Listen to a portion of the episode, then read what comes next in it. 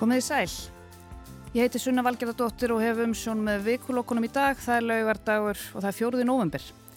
Við sitjum hér í hljóðstofu 6 í efstaleiti ég og Davíð Bentsen, tæknimaður, ásamt góðum gestum eins og venja er og við ætlum að fara yfir málinn, málvikunar sem eru kannski ekki drósulega mörg en þau eru stór þessi mál sem að hafa komið upp í liðinni viku. Gestir mínir í dag eru þau Sigmar Guðmundsson, þingmaður viðresnar, það er Sigriður Andersen, fyrirverandi dómsmálar á þeirra sjálfstæðisflokksins og Helga Vala Helgadóttir, þingflokksformaður samfélkingarinnar. Verið öll velkomin hinga til okkar. Takk fyrir. Takk fyrir. Helga Vala, ég ætla að byrja á þér. Ég kynnti því hérna einn sem þingflokksforman samfélkingarinnar sem þú vissulega ert og hefur verið. En svo í gær þá bárust fréttir byrtar í fjölmiðlum samkvæmt heimildum að nýji formaðurinn, Kristrún Frostadóttir, hegðist skiptaðir út fyrir gamla formannin, Loga Má Einarsson og gera hann að þingflokksformanni. Hefur þú eitthvað heyrt af þessum plönum? Ég ætla nú bara að svara þessu eins og ég svaraði þér í gær þegar þú baðst með um að koma í þáttinn og hérna, að ég myndi ekki tjá mig um þetta. Þannig að hérna, ég vísa bara á, á formann samfélkingarnar, hinn nýkjörna. Kristrúnur Frostdóttur. Ég held að það sé bara hérna, eina svari sem að þú, þú færð frá mér. Ef við ekki að tala um eitthvað merkilega Við, við, við aðeins ég Nei, að- alveg, ég sko, hérna við erum þetta í vinnu fyrir almenning og ég held að sko, svona hérna, í, langklaupinu þá skipti það almenning engum máli hver er þingflósformaður þannig að hérna, En, að- en, en hvernig myndu þér lítast á þetta? Þetta er ég er náttúrulega... bara no comment, það er Ok. bara þannig tölum um aðeins eitthvað sem að- skiptir máli. Já, mér finnst þetta skipta máli. Uh, Kristrún, þetta er mikilvægur flokkur samfélkingin og, og það var verið að skipta út allri fórustu flokksins um síðustu Já. helgi og hún var kosin hérna, fekk 95% Mhm. af kostningu, mjög svona sannfærandi kostningu, en það var hún eini frambóði. Uh, Kristrún saði svo í Silvrinu á sunnudaginn að henni hugnaðist ekki svo aðferðafræði að útiloka samstarf fyrirfram við einhvert flokk Mhm. uh, ef að þegar og ef flokkurinn færi ríkistjórn og hún átti þarna við sjálfstæðisflokkin Logi hefur til dæmis og, og þið hafið, hafið verið með þessa aðferðafræði en í rauninni bara á sama tíma og Kristrún var þarna í loftinu þá stegst þú fram uh, í rauninni eini svo eina sem að ert eftir í gömlu fórustunni það búið að skipta út uh, formanni, varaformanni og rittara um, þú segir uh, að þín skoðan væri svo að sannarlega halda áfram að útiloka samstarf með sjálfstæðisflokknum með öllu. Já, sko, hérna Ég bara spyr, þú veist, er- er þetta var auðvitað ekki, ekki í framhaldi af einhverju viðtali við Kristrúnu. Uh, hérna, ég fæ mikrofón í andlitið inn á landsfundi þar sem ég er spurð út í nýja fórustu sem að ég fagna og, og rósa og tala um góða stemningu á landsfundi. Hvað hérna, en það var uh, þessi landsfundur uh, alveg undursamlega skemmtlegur það var mjög góð stemning og, og mikill kraftur og gaman bara alla helgina og hérna, og þá er ég bara spurð út í nýja fórstu og, ég bara fagna henni og laka til samstafsins og þá er ég spurð út í uh, þetta varandi uh, hérna sjálfstaflokkin og ég einmitt tók fram að ég væri auðvitað bara að tala fyrir mig Já, þetta er bara þín skoðun. að hérna, ég teldi að, að við skuldum þjóðinni að gefa sjálfstæðisflokknum frí. Og þetta er auðvitað ekkert ný afstæða hjá mér. Uh, ég horfi á innviði landsins uh, heilbriðiskerfið er verulega van, van fjármagnað, fjársvelt löggeslan sömu leiðis velferðarkerfið sömu leiðis vegakerfið sömu leiðis og ég held að við þurfum að, að skipta um kurs í ríkisfjármálum. Bjarni Benditsson bóðar stórkostlega skattalækkanir og ég held að, að almenningur í landinu verða átt að sjá því að stórkostlega skattalækkanir sem skila sig kannski einhverjum þúsundköllum í vasa almennings ef eitthvað uh, þýðir bara að það er verið að, að, að skerða tekjur ríkisjós til þess að viðhalda grunn innviðum í landinu. Þannig og að- það er á þeim forsendum sem að ég segi og stendal við það. En auðvitað er ég þá í, í byllandi ágreiningi við nýja formann en ég, ég áhugavert sko að sjá Ég held að þetta sé ekki ágreiningur, ég held að þetta sé bara sko það er svolítið skrítið ef ég fer og tek einhverja 100% Mm. uppeyju varðandi þetta því að innviðnur okkar, þeir eru bara, við, við sjáum það í fréttum einhverjum einasta degi að innviðnur okkar, þeir meiga ekki við frekari sko, tekju skerðingum ríkisjóðs. Mm. Það er bara þannig Sigmar- og við verðum að fara að setja peninga í helbriðskerfið og velfærakerfið. Sigmar, hvernig líst þér á nýja fórustu samfélkingarinnar. Heldur að þetta dugir til að flokkurinn ná einhvern veginn, kannski ekki alveg öllum vopnum sínum aftur, ég menn þetta var náttúrulega risaflokkur hérna, voru með 20 þingmenn Já. hér í eina tíð. Mm. Það er kannski óraunhæft að, að horfa alveg aftur til þess tíma en heldur að þessi fórista, hvernig líst þér á, heldur að þessi fórista muni gera flokknum gott þó að sé vissulega kannski einhver svona smá titringur eftir, kannski eðlilega eftir svona já, bildingu? Já sko, nú er þetta þannig að það verður hver flokkur fyrir sig að, að ákveða hvernig hann skipar í ennbætti og, og hver er í fórustu og allt það, en, en þetta hefur svo sem leið í loftinu eiginlega bara frá síðustu kostningum að Kristrún tæki við og síðan kemur Guðmundur Átni með þarna sem, sem auðvitað gamal reyndur þingmaður, nú að bæði fylgdur í, í Hafnafjörði. Og ráð þeirra? Já, já, og fyrirhundir á þeirra. Uh, sko, ég auðvitað bara óska eh, þeim eins og öllum öðrum sem taka þátt í stjórnmálum velfarnar. Það eru auðvitað allir að bjóða sér fram til þess að reyna að gera samfélaginu gott og svo kannski greinir okkur bara á um leiðir til þess að, að gera það, sko.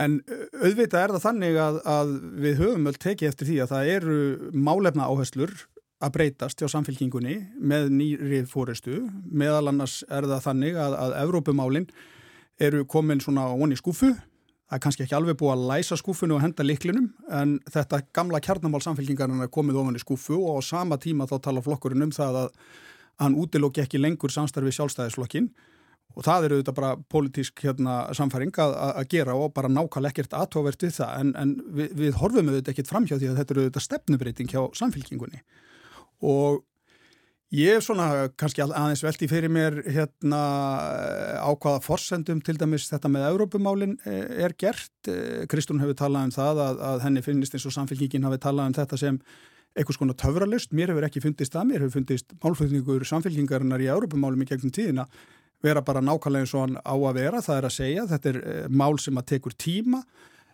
það er ekki hægt að leysa vanda líðandi stundar með þessu því að þetta eru auðvitað tímafrækt ferli að, að, að sækjum aðild og, og, og gera það allt.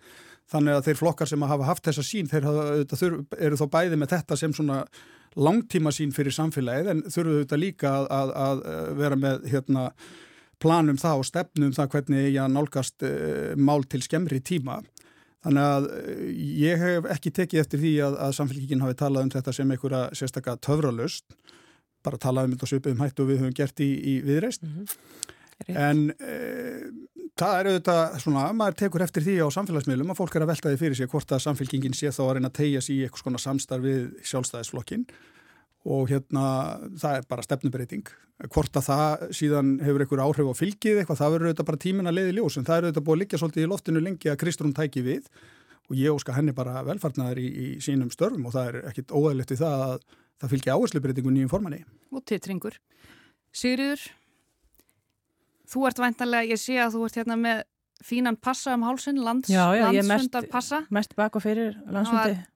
Við erum úr umræðum um einum, úr einum landsfundi í annan, þá landsfundur samfélkingarinnar um síðustu helgi, þar sem nýr formaður var kjörinn og nú stendur yfir landsfundur sjálfstæðisflokksins í lögadalshöll. Hvað eru 2000? 2000 mann sem eru þar allt í allt og uh, settur, setningin var í gær málefnastarfið hófst í, í snemma morguns í gær og, og setningaræða formans í, í gær klukkutíma laung?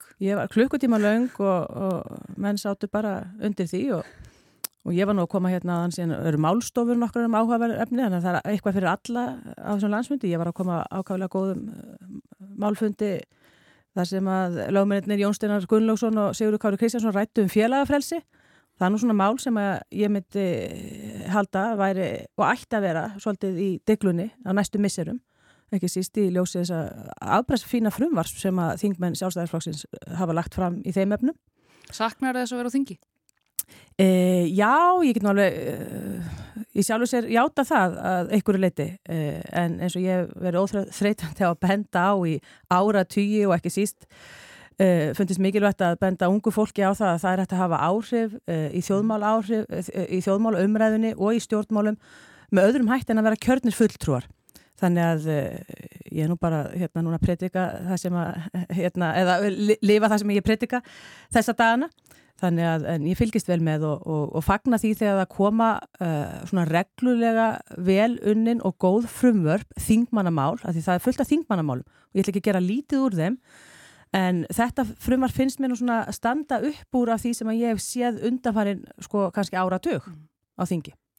En það er eitt mál sem að kannski yfirskikir allt annað á þessum fjölmenna landsfundi. Ég get alveg trúa því að það sé, það sé mikil og góð alls konar vinna. Þetta er náttúrulega fjölmenn samkom og það verður gríðarlega orka þegar að fólk sapnast saman með, með sveipar áherslur og skoðanir í lífinu mm -hmm. til þess að vinna að einhverjum sameinlegu markmiðum. Mm -hmm. En það er formanslegurinn. Jú, jú. Hvernig, erst þú búin að, mér hefur nú ekkert fundist, afstöðu? Mér hefur nú kannski ekkert fundist sko, landsmyndur hinga til neitt sérstaklega litast af honum, ég menna að menn bara hafa gengið til sinna verka og vinnu í málefna starfi og ég, ég fegin því að menn hafa gert það.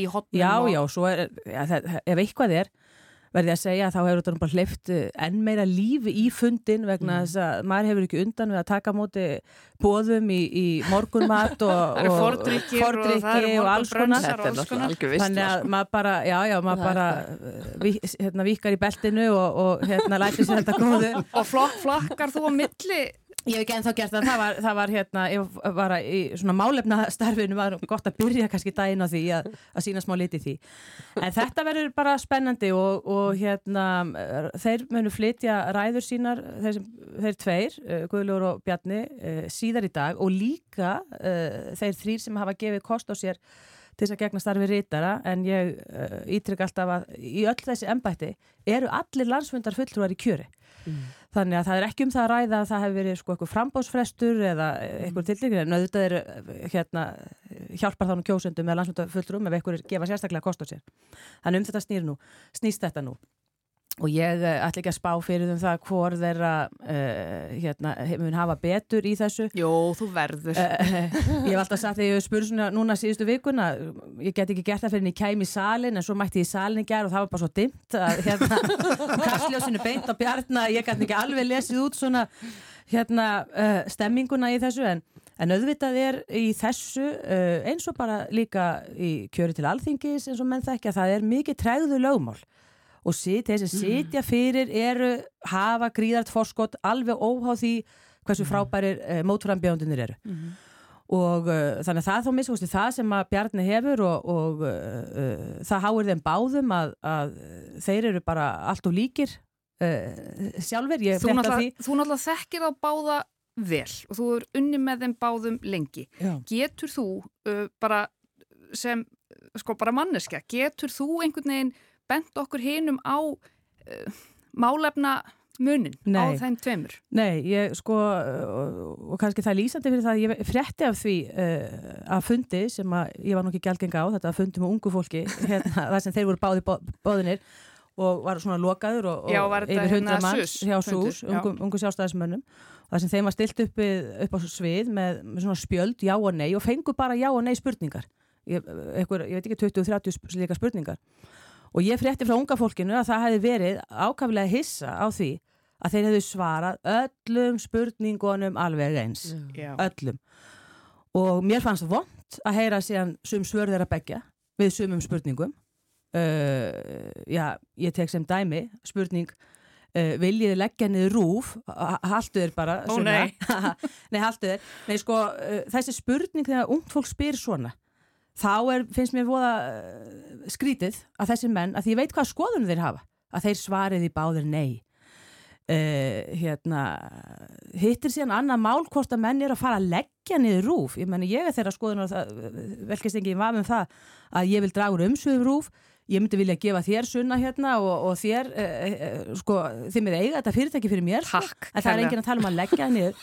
En svona spurningar finnst mér svona kannski bara vottum að það vandi hjá þeim báðum minnst sem eh, þessast dagana eitthvað svona eldmóð og eitthvað eld í pólutíkinni sko ah. og hvað, þegar það kemur á hugsunum En er það ekki akkurat ástæðan fyrir því að sjálfstæðisflokkurinn er ekki þetta jafn öfluga afl og hann var? Jú, ég tel það og Já. mér finnst það vond og uh, mér fannst vond að heyra í stefnuræðu formansins að að uh, hann bara gaf upp á bátin að tala um skattalækkan í næstu þrjú árin. En gaf mjög stórt loford, ég veit ekki hvort að Helga var að uh, vísa því það, mjög stórt loford um, um mjög mikið loford fyrir næstu kostninga mm. ef þetta var loford um kostningaloford mm. og uh, mér finnst þetta bara ekki, ekki bragur hérna hjá sjálfstæðismönnum að, að tala svona. Uh, nú haldið þið bara ég sé að fara að kjósa Guðlu því að tala um hann en ég get sagt að sama með Guðlu Þór uh, mér finnst hann hafa spilað ekki nógu vel úr, ymsum málum sem að sem sannarlega hérna uh, vantar meiri dýft í uh, svona hugmyndafræðilega og pólutíst og ég nefni hef verið að nýta í hann vegna frumar sem hann er með leggur fram og ég veit að Vafki bara sko tók að tappa úr einhverjum flöskum sko þegar hann laði það fram af því þeim hefðu sjálfum ekki hugkvæmst að leggja það fram. Og það er að banna rannsóknir á landgrunn Íslands, banna leit og, og hérna og rannsóknir á landgrunn Íslands e, í tengslu með e, oljuvinnslu sko eitt er að, vil ekki sko að Ísland fari í það að vinna olju ef hún, ef hún skildi finnast. En að banna, ætla að banna rannsóknir á þessum og, og leit að þessum verðmætum sem allur heimurinn þarf á að halda að efni sem allir heimurinn sem þarf á að halda ef það á að draga úr losun Hann er nú, nú umhverfis og loftslags ráþra í ríkistjótt Katrínar Jakobsdóttir. Sko. en hvað þýðir það? Er þýðir það að það á að hlaupa á eftir uh, svona málum sem að, ekki einu sinni sem ég segi, ekki einu sinni um AFG, lýsið dreyma um að koma fram með. Mm, mm. Þannig að þetta finnst mér ljóður á, á, á hans störfum undafarið. Þannig að mér finnst svona vanta þessa hugmyndafræðilegu baráttu uh, vegna þess að í, í sjálfstæðarflokkin og hefur gert náttúrulega um skeið uh, auðvitað hefur ekki landsfundi verið núna bara um fimm ár.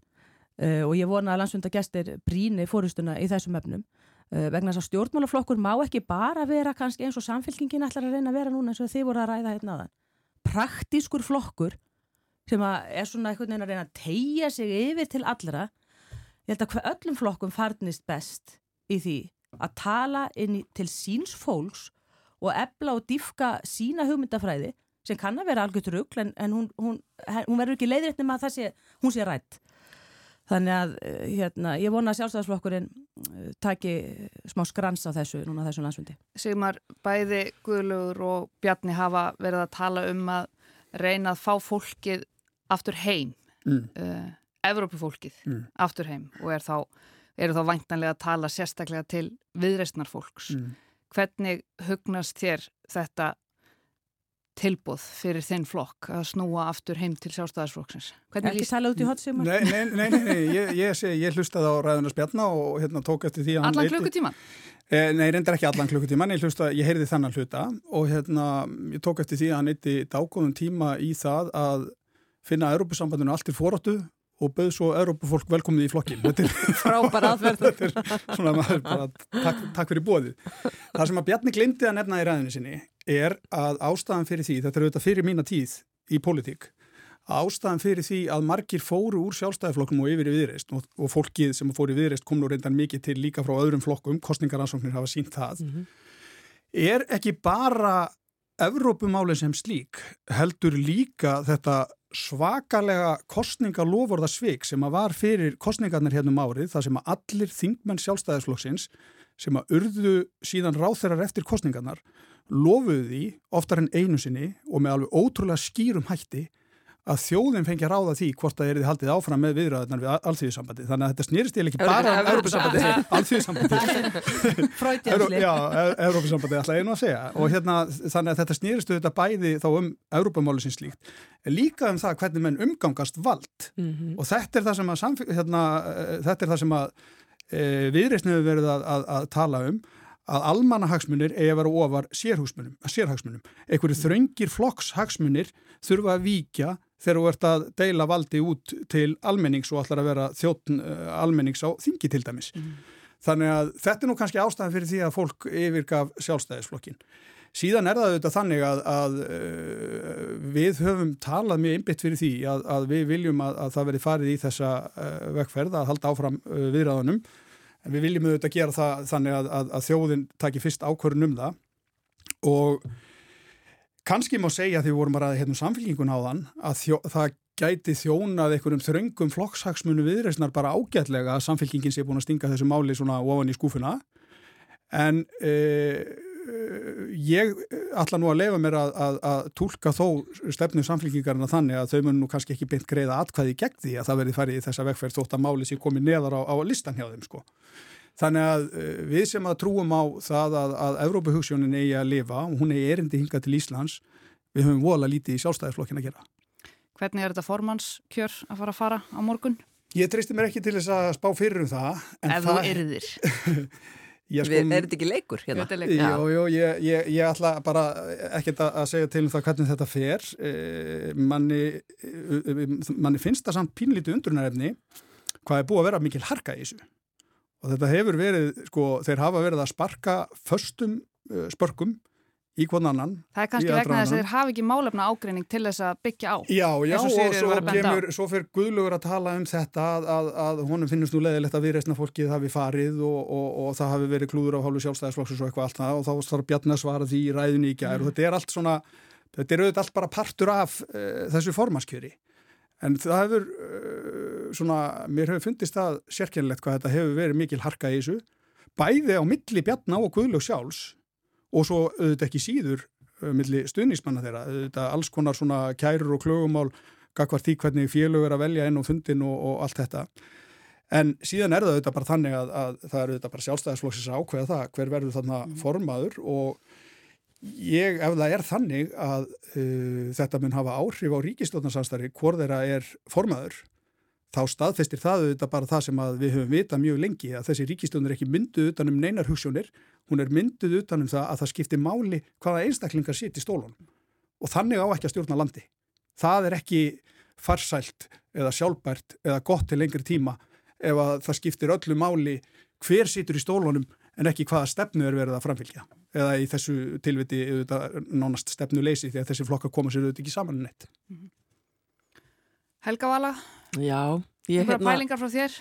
Já, þú, ég er náttúrulega sko, um ég er náttúrulega alveg helsjúkt nörd þegar kemur á svona málum og, og, hérna, og fagna mjög hérna, hvaða, hvaða er mikið kaplaup um, um þennan stól mér finnst þetta allt ógeðslega skemmtilegt Það hefur viljað að það, það hefur verið annar í frambóði á móti Kristrúnu til að fá smá fút í þetta? Já, já, auðvitað hefði það verið skemmtilegt. Það er alltaf gaman að fá fút og hérna, ég menna, þú veist, og, og, við fundum það auðvitað hérna 2020 þegar ég bauð mig frá sem varaformann og tapaði með bravúr að hérna að það, það hleypir lífi í, í þú veist, flokkin og það er rosa mikil umfjöllun og, og fylgið okkar rauku upp í aðdraðandanum og í kringum landsfundin þá og, og svona sko, því að það verður einhver svona dýnamík sem er skemmtileg. Þannig að þetta hleypir lífi í svona landsfundi eins og, eins og Sýriði var að tala um mm, sko. Fólk hefur einhver að kappa líka. Já, það er bara eitthvað svona, þetta er eitthvað svona einhver svona kappleikur. En ég verð að segja, ég hérna mér, mér finnst Guðluður Þór hafa sínt alveg ótrúlega einhvern veginn svona kænsku í aðdraðandanum hann, hann er búin að vera skipulegja þetta mjög lengi án þess að það spurðist út. Uh, Sumir segja hann að vera skipulegja þetta síðan hann var 15 ára. Já, já, en ég er að tala um svona markvist ég menna það voru haldinn hérna uh, samkvæmi sko í ágúst.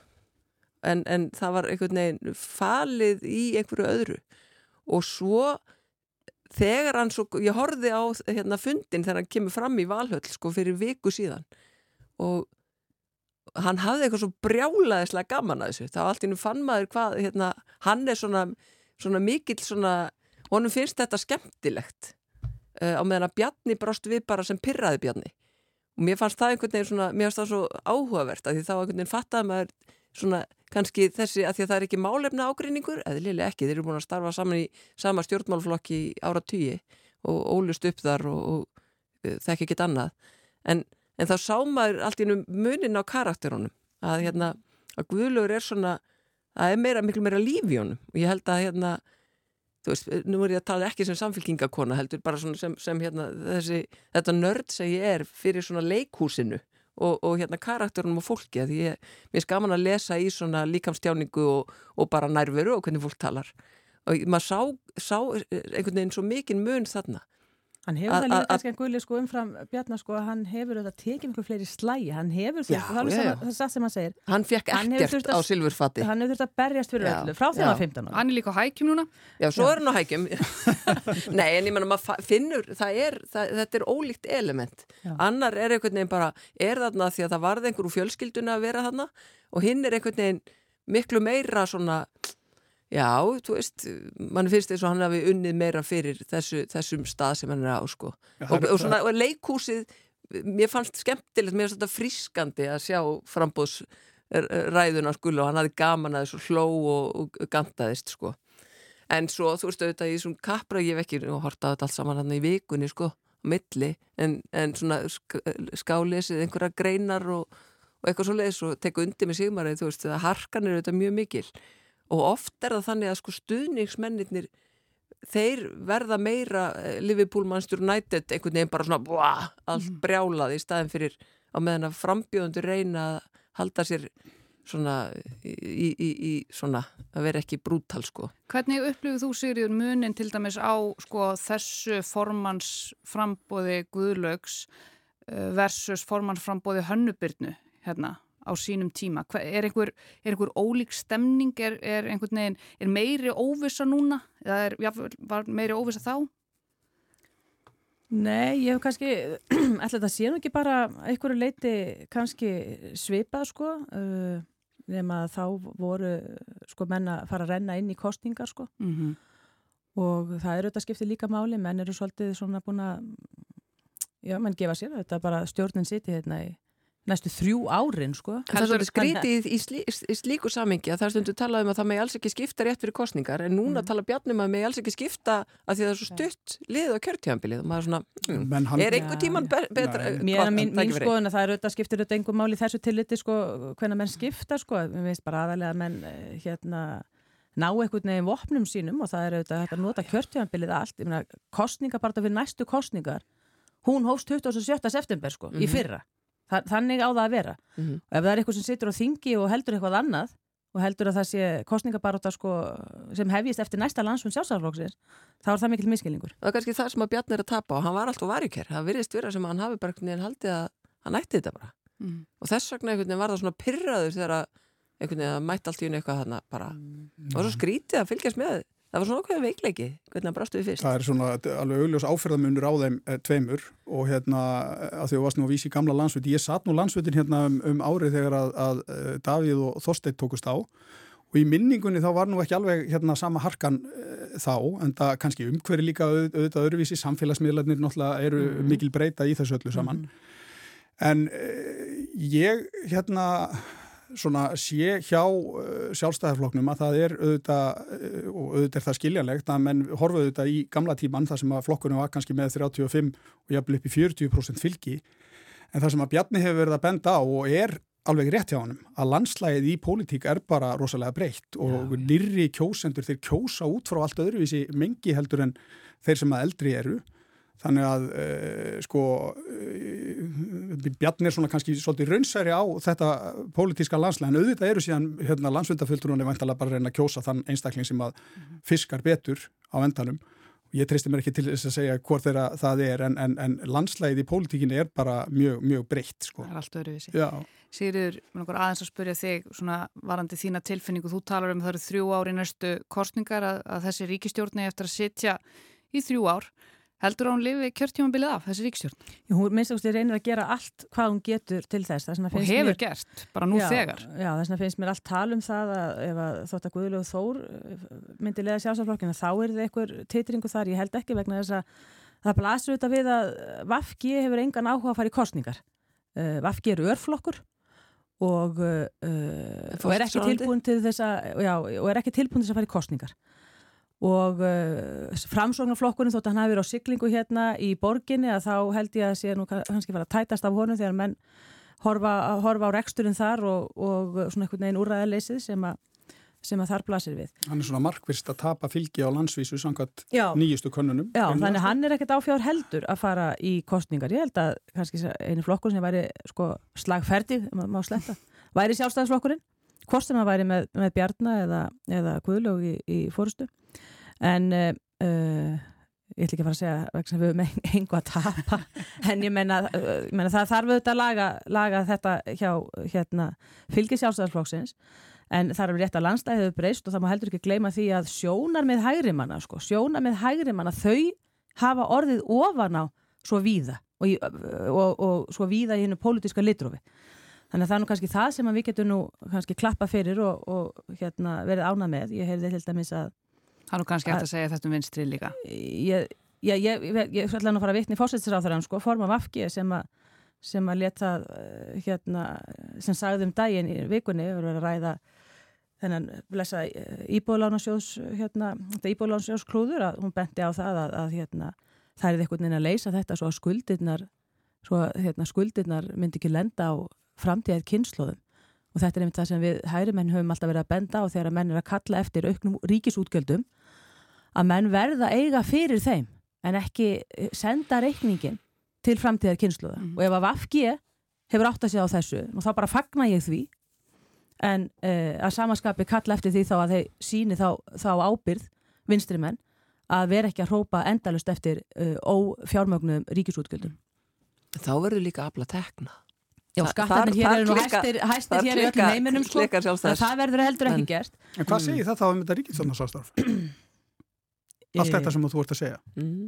Já, ég menna... Þú ert bara að gefa þig fallengun. Já, ég menna menn auðvitað meta það, allir flokkarnir meta það auðvitað, það er betra að vera við borðið, telja þeir, heldur en ekki.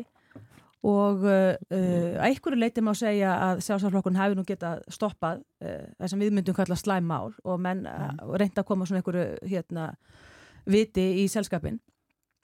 Þannig að, að uh, þetta er mat, en það, það er auðvitað bara mat sem þarf að fara fram á hverjum tíma og einhverjum tímapunkti kannski er þetta orðið þannig að byttu, finnst mönnum að það sé búið að gefa of mikið eftir að þetta sé, þú veist, á vetur á setjandi að þetta sé, hérna að menn ættu kannski bara huglega, menn myndu kannski bara ná betri árangri, sko, utan ríkistjórnar mm og sumir kannski bara sem ekki einu svona kjörniföldruar mm -hmm. eins og ég vísi orðminn hérna upp að þið þáttar Skulum halda áfram á, á pólitískum nótum en segja skili við landsfundarpólitík og svona eiginlega flokkapólitík Þeir sem voruð að kveikja hérna á viðtækjanum þeir eru að hlusta á vikulokkin og ráseitt. Ég heiti Sunna Valgeradóttir og gestir mínir eru þau Sigmar Guðmundsson, Sýriður Andersen og Helga Vala Helgadóttir við ætlum að færa okkur yfir í svona aðeins erfiðar og alvarlegri mál.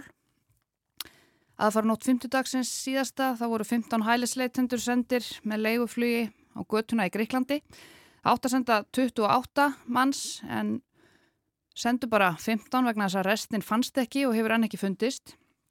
Og við höfum líklega flest sem hér sittjum fyrst með þessu á einn eða annan hátt. Það er, er búið að vera mikið í, í fréttum öllum fréttatímum og öllum, öllum stöðum og miðlum.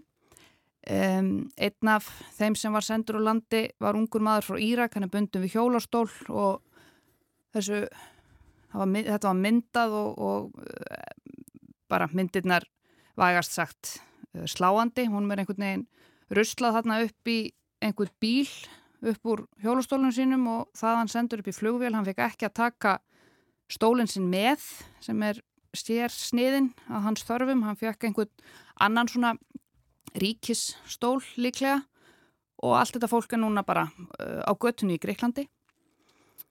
Jón Gunnarsson, dómsmálar á þeirra, hann sagði í fréttum í gæra að svona gerist einfallega bara í hverju viku án þess að það ratti í fjölmiðla og það muni halda áfram að gerast án þess að almenningur frétti endilega af því.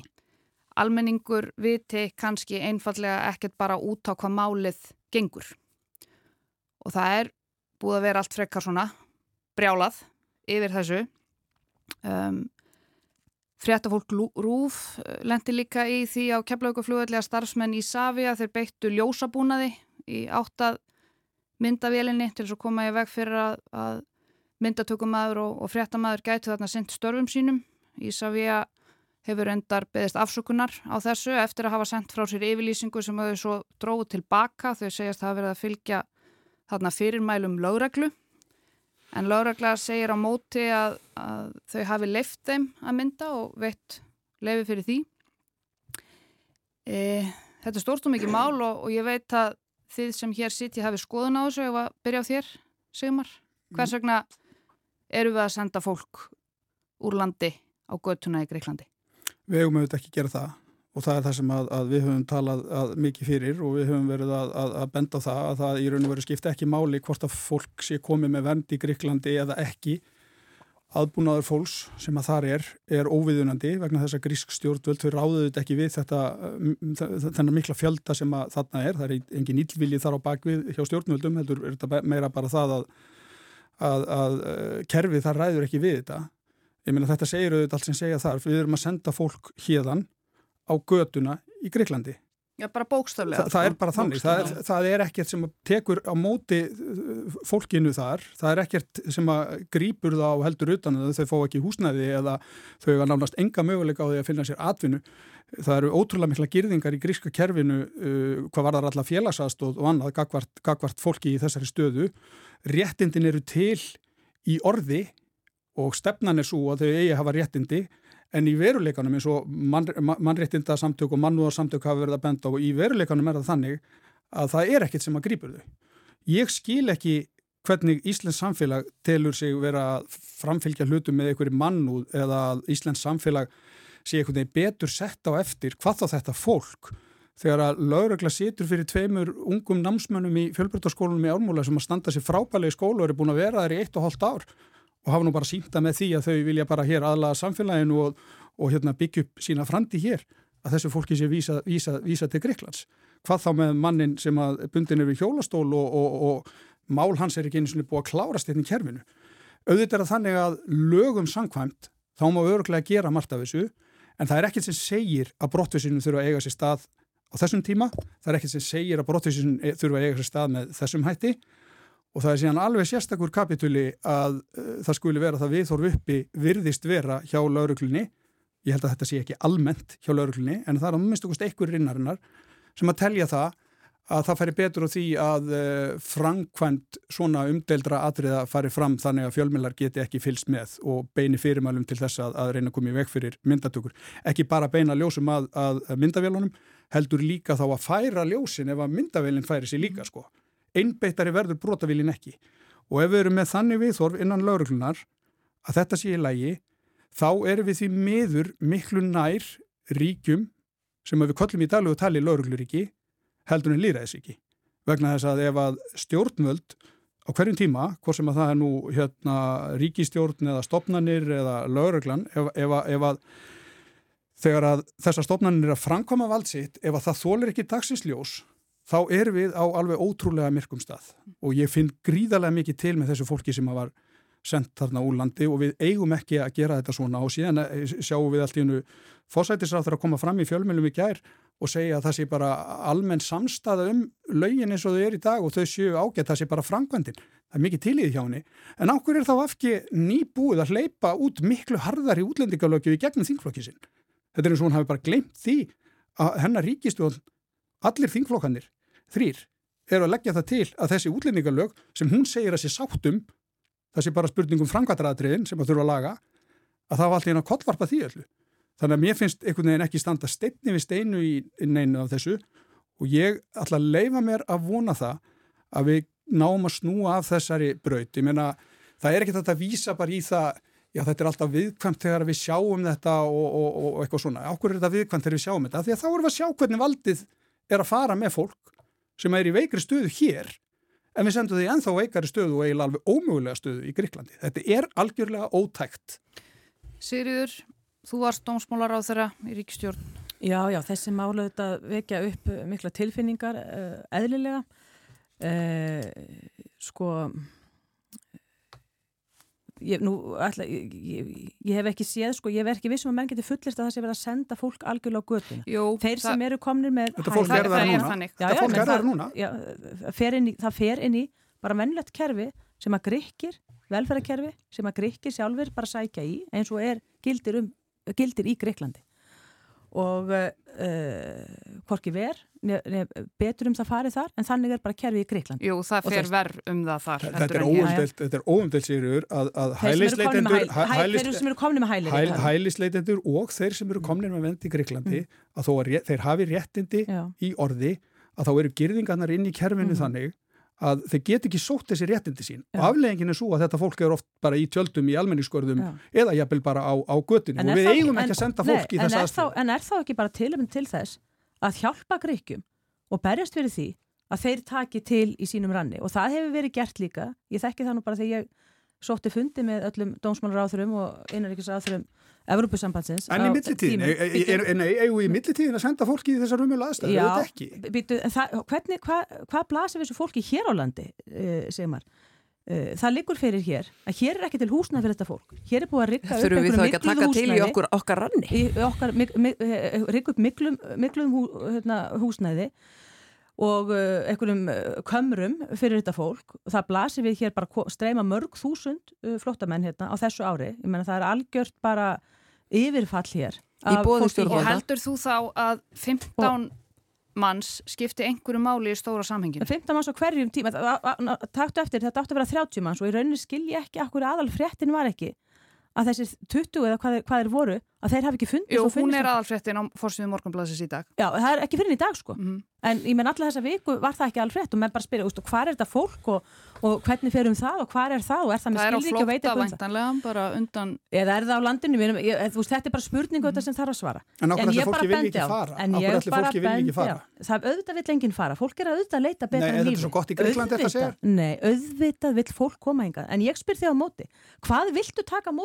nei, taka móti hvað vilt þú taka á móti Hvað vilt þú taka móti fáum? hef, liggur fyrir, já, við tókum á móti svona 100 og það var komið svona rúmlega 100 manns á ári sem við höfum tekið uh, með skipilugum hætti í samvinnu flóttamannastofnun saminuð Já, þjóðana bara kvotaflóta fólk sem sagt.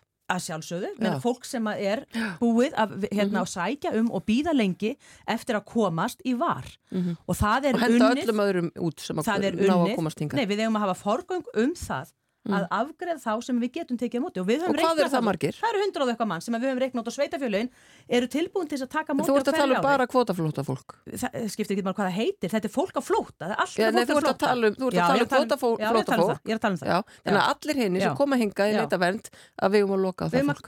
Og þá að draga okkur úr Já. alþjóðasamningum sem við erum aðilar að að- sem að, setja á okkur ákveðna skildur um að veita fólki vernd sem hér sækir um vernd. Þeir samningar sem við sagt. við eigum aðild að þeir kveða ekki á um það að við tökum með þessum hætti uh, óhindrað á móti flóttamönnum eða hæ, fyrir ekki hælisleitundum við köllum það þá, þess aðgreiningar að gera það. Umsækjendur um hæ- hælisleitundur að hérna, samningarnir kveða ekkert á um það að það sé gert með þessum hætti. Það liggur alveg fyrir Það eru ákveðna menn reglur, á þú veist að það, þú varst dómsmálar á þeirra, þú veist Já, að þú ert að tala menn- gegn betri menn vitund. hafa bent á það og eru horfa á það í forundran að Ísland skuli taka þetta hlutvarslega mikla, mikla fjölda á sig í samanbyrði löndin í kringum okkur og hafa bent okkur á okkur við höfum ekki stu, stutt þær tillögur sem að ganga út á það að ég myndi að dreifa þessu álægi hlutfalslega og víkja þá diblan reglugerðinu til hliðar en dreifa álæginu hlutfalslega á ríkin. Ef að það er því gert þá myndi hér sko snar fækka uh, uh, hælisleitundu hér eða afgriðslu mála hér En hitt er hann að mál, hitt er hann að mál að á alþjóðvettunga, ég má segja, þessir alþjóðsamningar sem við eigum aðildað, það liggur alveg fyrir að það er, þetta er löngu sprungið kerfi. Menn eru hafa verið að misnota það líka, það eru auðvitað fullt af fólki á flótta undan, uh, sko réttmættum flótta, en það er fullt af fólki sem að er fellur engan veginn undir þessar skilgrinningar sem er samt að nota sér þessar leiðir og það er það sem við erum að reyna að stemma stegu við. Ef að Ísland ætlar eitt ríki Það var hérna- ekki einu sinni búið að taka mál þessa fólks fyrir, Sigriður. Jú, það komið fram í fréttum að vera búið að afgreiða Nei, málinn þeirra. það er verið að reka það fyrir dómstólum, Tæmt einhverja kæruleiðir, já, Mhm. dómstólum, já, já, en kæruleiðirnar voru allar En af hverju, af hverju heldur, þú veist, ef við bara, ef við bara tökum okkur eitt skrif tilbaka hérna, uh, það er búið að vera að taka saman hérna inn á fréttastofunni uh, öll þau samtök og þau svona, uh, já, samtöku fólk sem hafa í rauninni fordæmt Það þessar sjálfsögðu aðgerðir. fordama þessi samtök þau. Já, ég meina- auðvitað, þau geta ekkert annað, auðvitað. Af það hverju? er, af hverju, af því það er bara þe- þe- þeirra starfslýsingu að fordæma svona. Þau Að eru hins vegar ekki að að reka. fordæma mannréttindabrót. Erum við þá ekki að segja að þetta sé mannréttindabrót? Nei, nei, þau eru auðvitað bara að fordæma það að fólkinu sé vísa frá. Síðan er eftir spurningin hvernig ætlar Íslenska ríkið, íslenskir borgarar, að koma fótum undir þetta fólk, koma húsaskjóli, koma þakki verið höfuð á þessu og veita því þjónustu, fylla skólana. Það er sprungið. Og það hafa sveitafjölum verið að benda Ég ætla aðeins að sveita- Sigmari að koma. Nei, bara- ég ég bara að benda þetta er spurning, þetta er spurningin. Það eru allir sammála um það að við viljum veita og guðmengur, ég vil ég myndi vilja Ísland væri eins og bandaríkin hérna í Allandshafi uh, opið fyrir bara hérna alls konar innflytjendum og annað, ekki þarfur utan það eru þetta stranga reglur líka í bandaríkanum og við viljum fá, Það er við viljum fá fólk við viljum fá fólk hingað en við getum ekki tekið á móti þessum fjölda, þessum mikla fjölda sem að fer beint inn í velferðarþjónustuna á Íslandi í meira en eitt eða tvö ár. Nú ætlum ég að bara stoppa ekki þig og lefa Helgu vilja Takk. Uh, þetta var mjög fróðuleg ræða því að þarna var fyrirvændi dómsmálar á þeirra sjálfstæðsflokksins að, að leggja línunar um að draga okkur úr allþjóða samvinnu varðandi fólkaflóta. Uh, Ég- ég minni á að var það eru að hundra, ég verð að fá að, Já, að en, ljúka leggja setningu. ég var ekki að tala um að Ég spurði þessu. áðan. Ég spurði þið áðan hvort að þú værir að tala um að heimila engu fólki sem sækir hér um alþjóðlega vend að fá vernd hér og þú svaraði því játandi. ég sagði, ég Þú vildi að að þú væri bara að tala um Já, og það er, bara annað. Nei, þetta er bara ránt, Sigriður. Þetta er ránt. Þetta er ránt. Við erum annars vegar með kvótaflóttafólk og hins vegar erum við með umsækjendur um alþjóðlega vend. Mm Mhm. Kvótaflóttafólk er búið að fara árum saman og hanga í flóttamannabúðum og er með stimpilinn frá saminuð þjóðunum um að þau séu á flóttafólk. Og það er í gegnum það sem við handveljum út uh, hérna uh, konur og börn á flótta, uh, samkynneigða á flótta og þess áttar og veljum svona það sem og að þú vilt taka bara 100 viltu hætta að grípa En fram í fyrir mér í 2000, öfna 5000, þú en verð- 5000 Eina setningu Já, þú hérna? greifst nú fram í fyrir með hann. Já, fyrirgeðu, þú ert búin að tala þetta í 15 mínútur um þetta. Nei, nei. Nú ætlum ég að fá að segja að uh, það er, staðan er þessi að það eru 103 miljónir á flótta í heiminum í dag. Uh, Íslensk stjórnöld tóku ákvörðun um að veita hér fólki frá Úkrænu vernd og veita fólki frá Venezuela vernd. Uh, það hafa komið hinga 3300 uh, síðustu tölur sem að hafa óskað eftir vernd á Íslandi og það eru um 2800 að 900 af þeim frá þessum tveimur ríkjum. Það er engin fjölgun, engin í hópi þessara annara ríkja sem er Afganistan, Palestína, Írak og svo framvegis. Engin. Það er bara, við erum alveg á pari við það sem hefur verið áður. Uh, Þessi mikli fjöldi sem hingað hefur komið hefur komið í, í bóði stjórnvalda en það erum við í rauninni ríki meðal ríkja og tökum þátt í þeim svakalega uh, að veita skjól, skjóls uh, húsi yfir þeim, þann svakalega fjölda sem er að flýja stríði í Evrópu. Það er náttúrulega ekki smáræðisfjöldi og að láta eins og þetta sé eitthvað eitthvað óvænt tilvik þetta, það braust út stríði í Evrópu í februar og við erum að taka þátt í að veita því fólki skjól uh, það, ég tek undir allt það sem að Sigmar hefur verið að segja varðandi þessa aðgerð í vikunni hún er náttúrulega, hún er náttúrulega alveg svakaleg uh, uh, sko hluti af þessu fólki er að býða niðurstuðu dóms. Fjölskyldan, fimminningarnir, þar sem að fallaður maður er á meðal, þau átt að mæta fyrir dóm í þar næstu viku, 18. november og, og dómurinn, hann lítur svo alvarlegum augum á þetta að lögmenninni voru kallaðir akút inn í dómsal til þess að hraða málsmeðferð þegar þetta hafði átt sér stað. Af því að dómurinn áttar sig á alvarleika þessara mála og, og þeirri hættu að hér sé verið að fremja mannréttinda brot í samræmi við það er skuldbindinga sem við erum með varðandi flótamannasamningin að leifa fólki ekki að fá réttláta málsmeðferð fyrir dómi. Og Íslenska ríki getur voruð skadabúta skilt vegna þeirra framkvæmda sem að, áttur sér stað núna í vikunni þegar þessu fólki sem að er hér í miðri, miðri málsmeðferð var grítt út á götuna í Greiklandi að því það er staðreind að þeir sem hafa fengið vend í Greiklandi, þeir eru á götunni og þeir borða úr ruslatunum á meðan að fólk í flóttamarbúðum sem eru döblinkerfi sem er annað að það er þá inn í flóttamannabúðunum og þær eru svakalega aðstæður þar en þær eru þó betri heldur en að búa á göttunni í Greiklandi. Þetta er nefnilega kjarni málsins. Það er staða fólks uh, sem er komið með vend í Greiklandi er verri heldur en þeirra sem að er að, að, að, að býða eftir að fá slíka stöðu. Það er nú bara hinn nöturlegi sannleikur og, og það er uh, sorglegt að Íslands stjórnvöld skulle senda fólki þessar, þessar aðstæður. En varðandi þessar hlutfallsæfingar alltaf. Hver er komið til með að segja það þegar við erum með mengi flóttamanna frá ýmsum ríkjum með alls konar aðstæður og alls konar væntingar um framtíðina. Hver er komið til með að segja það að það skiptist eitthvað hlutfarslega jamt uh, á milli landa Evrópu? Meina, þú, getur alltaf, það, þú getur alltaf leikið með einhverja hlutfallstölur hinga á þangað. Við getum talað um það að, að núna eru grikkir og pólverjar mm. að taka á móti hlutfallslega miklu, miklu, miklu, miklu fleirum heldur en Íslendingar. Hárið. Það er þannig. Við bara viljum að vandin sé þar en hérna, það hendar ekki auðvitað í umræðinu hérna heima. Það er þannig að því að sko Sigriður er að fara með nákvæmlega sömu möndru og Jón Gunnarsson hefur verið að fara með það verið að vísa í innviðina hérna heima. Ef að Íslands stjórnvöld get ekki haft innviði hér í lægi þá er það ekki rauksemt fyrir því að brjóta á mannréttundum fólks. það bara er það ekki, þá bara lögum við innviðina hérna heima og gerum þetta eins og manneskjur síðan er auðvitað þannig, eins og Þetta er mest fólk frá Ukrænu það er engin stjórnmálum að tala fyrir því að við um að breytum kurstar, þetta er frá Venezuela mörgundrum manns þaðan, það er vegna þess að kærnett útlendingamála hefur komist að þeirri niðurstu að það er ómannulegt að senda fólk til Venezuela þannig að við auðvitað þurfum þá bara að hlýta því. Hinn hópurinn er síðan eftir og það er alltaf verið að tala um það að uh, vandin út af Úkrænu og Venezuela sé svo mikill að það þurfa einhvern veginn að er skoðun. Það eina sem er á bakvið þessar breytingar sem á að gera á útlendingalónum er þessi vilji íslenskra stjórnvalda að taka hér á móti sem fæstum.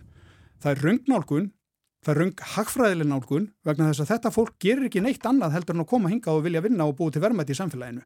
Vísa ég nú aftur í þessar tvær stúlkur mm -hmm. sem að hér voru námi og standa sér príðilega að læra íslensku og annað. Hvernig getur Íslands samfélag grætt á þessu? Hvernig getur við verið með þá stöðu hérna á einlandsmarkaði en þegar að koma hingar vinnufúsar hendur sem er í neyð, þá segir við nei, þú mátt ekki koma að vinna. Það eru bara sérfræðingarnir frá Londoniðinu sem við viljum fá. Við og, ekki og ekki, ekki, ekki frá utan ES, alls ekki. Ég er alveg, alveg saman á því að það ekki einblina bara á sérfræðinga heldur, sko bara fólk er fólk og það er ekkert að gera greina mun á því þegar menn eru að fara að hugað atvinnulegum öðru. En þið eru nú alla, þessa dagana vantilega með fjárlagafröðansby opið fyrir framann ykkur alla daga. Og mér er bara gaman að vita þá, hvað þið sjáuð fyrir ykkur? Að því við gætum tekið á móti mörgum hælisleitundum sem hinga að koma uh, fyrir utan þess að 150 kvótaflótamenn sem henga að koma.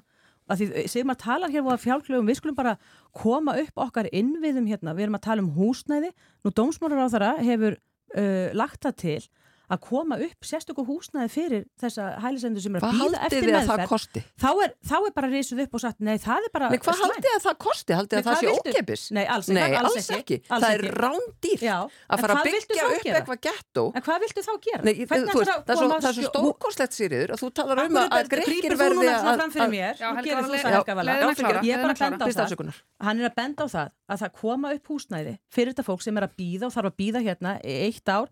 er sumir meir en eitt ár, eitt og hálft ár eins og í þessu tilviki. Þú varst að nota þessar rauk sem sjálfsýrir, þú varst að segja að við þurftum bara að býða til því að grekkir byggðu upp sína innviðu og þess vegna ættu að senda fólk þangað. Og það sami ekki við hér. Jú vegna þess að grekkir fá greitt fyrir það frá Örbúrsambandinu. Þeir eru að fá töluverðan pening til þess einmitt að taka móti þessum uh, flótamönnum. Það bæði frá Európusambandinu, uh, Tyrkir hefur líka verið greitt fyrir að, að, að taka móti hælisendum, þannig að þeir, þeir, hafa, þeir eru að vinna í þessum málum hjá sér. Tyrkir, Ítalir líka þessi ríki sem eiga landamæri þarna það sem að eðlimásu samkvæmt flestir koma. Leifum þessu fólki bara að koma og vinna sér. Leifum því að koma að vinna, leifum því að sjá fyrir sér og, og bara búa til verðmætti hérna í samfélaginu. Okkur vantar vinnufúsar hendur. Okkur skildi það ekki bara vera jákvæð hliðaverkun af hælisleitnakerfinu. Þetta fólk kemur ekki þannig, það er ekki að koma enga til að sækja um vinn, það kemur ekki um hæliskerfið, fólkið er það hefur enga möguleik annars staðar. Nei, þá hefur við að breyta því þannig. Já, takk, reynið þá að gera það, þið eru búin að vera með dómsmálaráðundi í hvað mörg ár? Nei, það heyrir ekki undir það, það heyrir undir félagsmálar lögum um útlendinga heimil til þess að veita dvalega á grundvelli skorts á vinnuafli. Það er orðra frá dómsmálaráðundinu um að beita ekki þessu ákveði. Það er það. Hætti þessu helgavala. Ég hvatti félagsmálar á þeirra í minni ráþeira tíð. Mm. Það áttu við félagsmálar á þeirra viðreistnar, gott samtal um þetta og ég hvattan og hann hafiði áform um það einmitt að breyta þessu og taka og breyta vinnulögjöfinni þannig að útlendingar hér utan EES getur komið hinga unnið. En þar er við að etja verkalýsfjölugin sem standa fast á sínu, fast á þeirri kröfu sinni að fá að yfirfæra allar umsóknir af útlendingar sem hingað koma og standa vörð um störfin sem hér eru í landi. Þetta er vandamálið, en það er ekki uh, uh, hælisleitenda kerfið sem að vegum að vera byggja upp eins og mér heyrist þið verið að tala um að byggja upp hælislendakerfi þannig að, að, að það dræjað fleiri hinga til þess að koma og sækjum hæli. ekki verið að leggja mér orðið ekki verið að leggja mér orðið með það það er engin að tala um þetta. Það er bara verið að tala um það. Hvað heldur sem við erum að eigða alveg talsveit miklum fjármunum í þá stefnu að halda fólkinu úti við bara nefnum eitt dæmi, hvað heldur þessi leiguflugvel til dæmis hafi kostað með 40 lauruglumenn já, hvað heldur þetta, bara þessi aðgerð hafi kostað? Þetta er algjörlega óþörf aðgerð, mm. það er fullt af svona fítusum í þessu, ef að fólki fengi nú að koma hinga og vinna og, og hérna sjá fyrir sér sjálft, í staðan fyrir að, að, að, að þurfa að þykja meðgjöf frá ríkinu. Hugsa, flestir vilji þetta, mm. þetta er ekki þannig að Talaðu félagsmálur á já við erum að tala um þetta alla daganir í þingi, bæði við mhm. félagsmálaráþurann og dósmálaráþurann. Það er engin laust á einu eða neinu og það er ekki hagsmunum Íslands fyrir bestu. Ef við ætlum bara að horfa á hagfræðina, mm. ef við ætlum bara að horfa á fjárhagslegu hérna, afleggingarnar af því að gera vel við þetta fólk, þá er ávinningurinn meiri heldur en um kostnæðurinn. Við verðum að líta á þetta þannig, vegna þess að það vantar fólk Það, var, það, er, það er allir sammálum þetta, samtök atvinnulísis og allir, mm -hmm. það vantar 20.000 útlendinga hingað að vinna til þess að standa undir þeirri íslensku velferð sem að við uh, viljum. Við- Ísle, í, íslensk náttúrulega fjölkun, hún ræður ekki við þetta. Akkur erum við að búa til girðinga þarna? Ég bara skil það ekki og allra síst vegna þess að það er svo ómannulegt. Sammála. Takk. Við munum ekki leysa þetta mál hér því miður. Það er lítið eftir af þættinum í dag. Sigriður, þú ert að fara á landsfund. Ég fer aftur á landsfundin, já. Þú ert að fara að kjósa formanninn á morgun. Já, já, formann og Formann. varaformann og rítara. Þú ert Alls ekki búin að segja okkur hvernig þú ætlar að kjósa. Nei, nei, það, það er allir í kjöri, segi ég alltaf. Það er allir í kjöri. Helga Vala, þú ætlar á Airways. Já, ég ætla að halda fram. Ég fór að eru þessi ger, fyrst skipti í fimm ár og það var undursamlegt. Og Og ég ætla, að, ég ætla að gera það og svo ætla ég að reynda að, að borða í kvöld með dásamlegum vinnum mínum. og þú ætlar að nýta passanðin til hins ítrasta. Já, já, já. Þetta er þú- náttúrulega slík veistla að maður getur ekki sleppt þessu. Hvað ætlar þú að gera, Sigmar? Ég ætla bara að hafa rólegt með fjölskyldunni. Það eru oft ágættar þessar hérna, helgar þar sem að er engin sérstök plön. Það kemur oft eitthvað ágætt út úr því. Það verður einhver auðvitað útivera og útivist og, og þess áttar. En, en hérna, ég held að þetta verði eh, ágættis helgi hjá okkur öllum greinilega, hvort sem við erum á landsfundi erfis eða bara í einhverju chili, sko. Mm. Nákvæmlega. Þakka ykkur kærlega fyrir að koma í þáttin. Þetta voru hressilegar, hressilegar umræður. Takk kærlega fyrir. Takk, takk. Sigriður Andersen, fyrverandi dómsmálaráðara sjálfstæðisflokksins, Helga Vala Helgadóttir, þingflokksformaður samfélkingarinnar og Sigmar Guðmundsson, Takk fyrir. þingmaður viðreisnar. Vikulokkin verða hér aftur á á sama tíma, næstkomandu lögadag. Ég heiti Sunna Valgeradóttir. Takk fyrir að leggja við hlustir og veriði sæl.